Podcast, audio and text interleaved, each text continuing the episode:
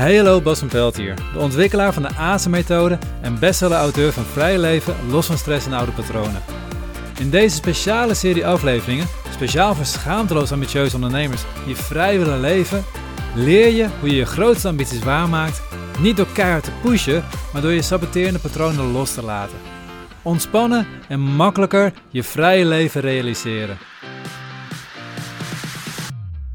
Ik ben het voorjaar overgegaan naar een nieuwe locatie. Het is echt een super gaaf pand. Het is een monumentaal pand uit 1906.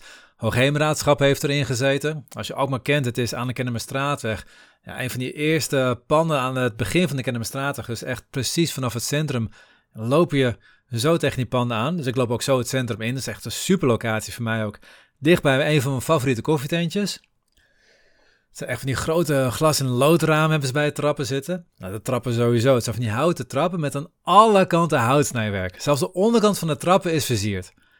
En ik heb daar een hele mooie, gave, grote ruimte op bovenste verdieping. Dus ik heb vrij uitzicht boven de daken van de huizen eromheen. Ik heb van zo'n plafond bestaat uit allemaal van die oude balken. Het is een heerlijke ruimte die echt uitnodigt om, om tot rust te komen, om, om te overdenken waar je staat, om alles een beetje te overzien, om een beetje afstand te nemen van, van je dagelijkse shit ook echt. Dus het is een super gave ruimte. Het is voor mij ook elke dag weer een feestje om hier te komen werken. Nu zou je denken dat ik daar super trots op ben. En dat ben ik op zich ook wel. Maar toch heeft het zelfs een paar maanden geduurd voordat ik het mijn moeder vertelde. Ik schaamde me een beetje dat ik in zo'n groot pand ging zitten zo'n luxueus pand. Echt zo'n pand waar, waar van die snelle financiële jongens zitten. En advocaten zitten ook. En die snelle financiële jongens zitten er ook. Het zijn leuke jongens trouwens, zijn mijn buren namelijk. Ik kan het er heel goed mee vinden. Alleen van huis uit heb ik altijd meegekregen dat, dat advocaten, die snelle financiële jongens, al dat soort types, dat zijn slechte mensen. In dit soort panden werken slechte mensen, werken graaiers, werken mensen die over de rug van andere mensen geld verdienen. En je wilt natuurlijk helemaal geen slecht mens zijn. Maar dit is wel wat ik aangeleerd heb. We willen allemaal een goed mens zijn en als jij een beeld aangeleerd hebt van wat goed is of wat slecht is, ga je daarop aanpassen. We hebben allemaal het goed mens-syndroom. Jij ook. In je jeugd leer je aan wat normaal is, wat gepast is, wat, wat goed is, wat hoort. Zo heurt het.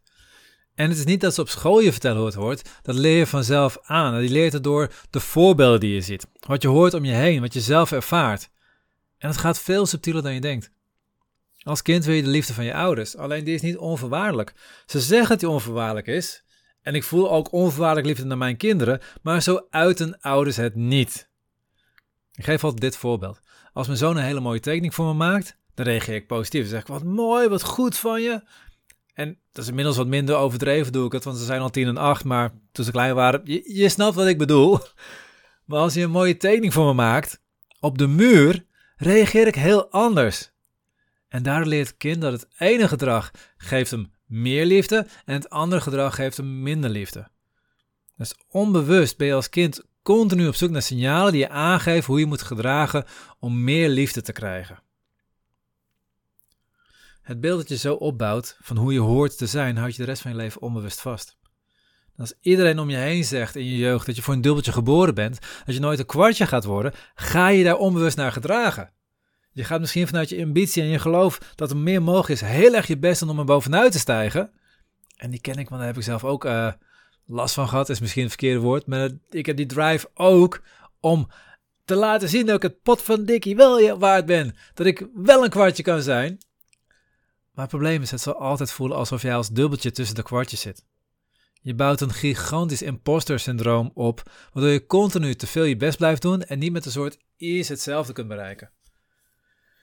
Om even terug te komen waarop ik het niet aan mijn moeder verteld had in eerste instantie. Mijn moeder heeft in haar jeugd niet makkelijk gehad. En dat is een understatement. Ze heeft echt moeilijk gehad in haar jeugd. Om haar heen zag ze dat iedereen van alles had en zij niet. Er zit een lang verhaal achter. Mijn oma heeft een man verloren in de Tweede Wereldoorlog in Nederlands-Indië. Ze waren voor de marine waar naar Nederlands-Indië verhuisd. Mijn oma heeft in een japkamp gezeten. Vlak daarvoor is mijn moeder geboren, dus die zat met drie kinderen in een, in een japkamp. Vervolgens kwamen politionele acties in, in, in Indonesië. Politionele acties, zeg maar terreur van de Nederlandse staat, zou je het ook kunnen noemen. Werden vervolgens teruggestuurd naar Nederland, of teruggehaald naar Nederland. Ze hadden hier niks, ze kregen niks. Ze moesten, s'nachts moest mijn oom in een naaiatelier werken om überhaupt haar zoon en haar dochters een beetje te kunnen onderhouden. Nou, dat is eventjes heel kort. Het verhaal is nog veel uitgebreider. Maar mijn moeder weet als reactie op het feit dat zij niks hadden en anderen wel het hadden, dat zij heel vaak nee kreeg, werd ze steeds jaloers op wat de anderen hadden. Door hoe er met haar omgegaan werd, veel gepest ook. Uh, ze haar, haar oom die kon ook niet echt mee omgaan, dus die was ook wat, wat, wat hardhandig, zullen we maar zeggen, in opvoeding. Ze leren, je mag niet zeuren, je moet blij zijn met wat je hebt. Het is niet goed om veel te hebben, alleen slechte mensen, die hebben veel. Dus in mijn jeugd, toen de buurman een nieuwe auto kocht, een Mercedes of een BMW, ik weet niet meer wat het was, had mijn moeder daar meteen commentaar bij. Dat kon hij alleen maar doen omdat hij iets met een belastingtruc deed of zo. Mijn buurjongen kreeg scooter voor zijn verjaardag, ik geef hem vaak als voorbeeld. Dat kreeg hij alleen volgens mijn moeder omdat zijn ouders probeerden hun liefde af te kopen omdat ze zelf geen tijd hadden voor hem. En dat is interessant, want mijn moeder bedoelt het helemaal niet negatief. Mijn moeder gunt iedereen alles, maar toch ook niet tegelijkertijd niet. Maar het zijn allemaal opmerkingen geweest die mij onbewust aanleerden wanneer ik een goed mens ben en wanneer ik een slecht mens ben. Dus wanneer ik meer liefde krijg en wanneer ik minder liefde krijg.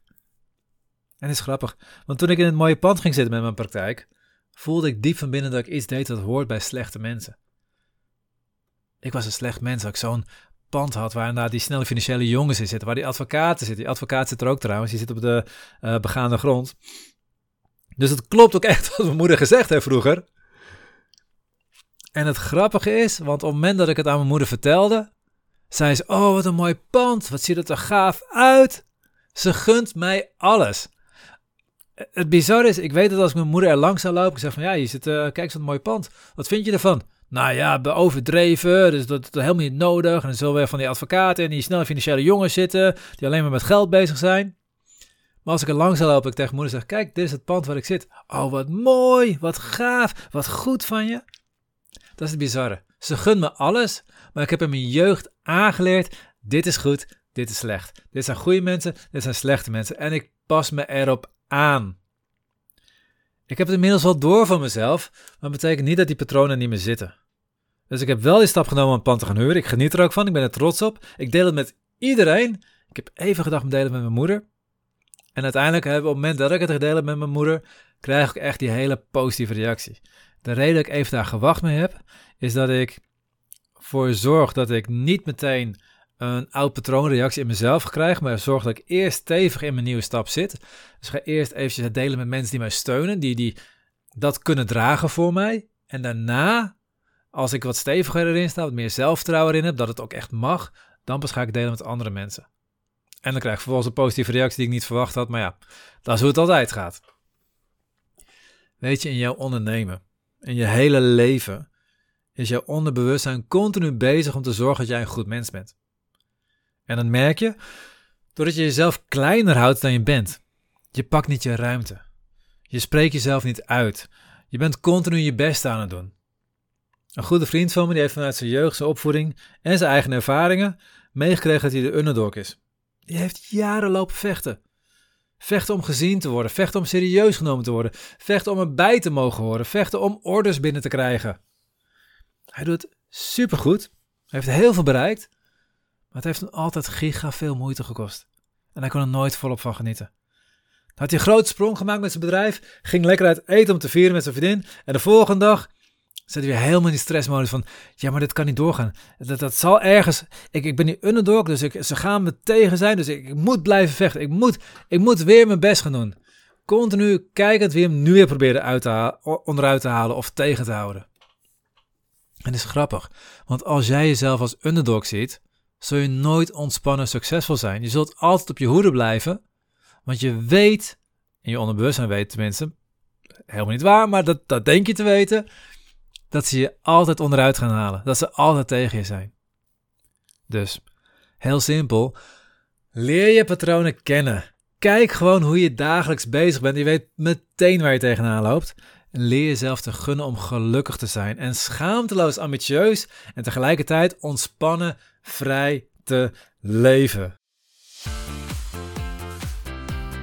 Herken jij je in het beeld van die schaamteloos ambitieus ondernemer die al veel aan persoonlijke groei heeft gedaan, maar nu echt next level wil gaan? Die ontspannen en ambitieus vrij wil leven? Neem dan contact op voor een intake als je klaar bent voor het next level vrij leven traject. Je vindt de link in de beschrijving bij deze podcast of ga naar azenmethode.nl schuine streep next level.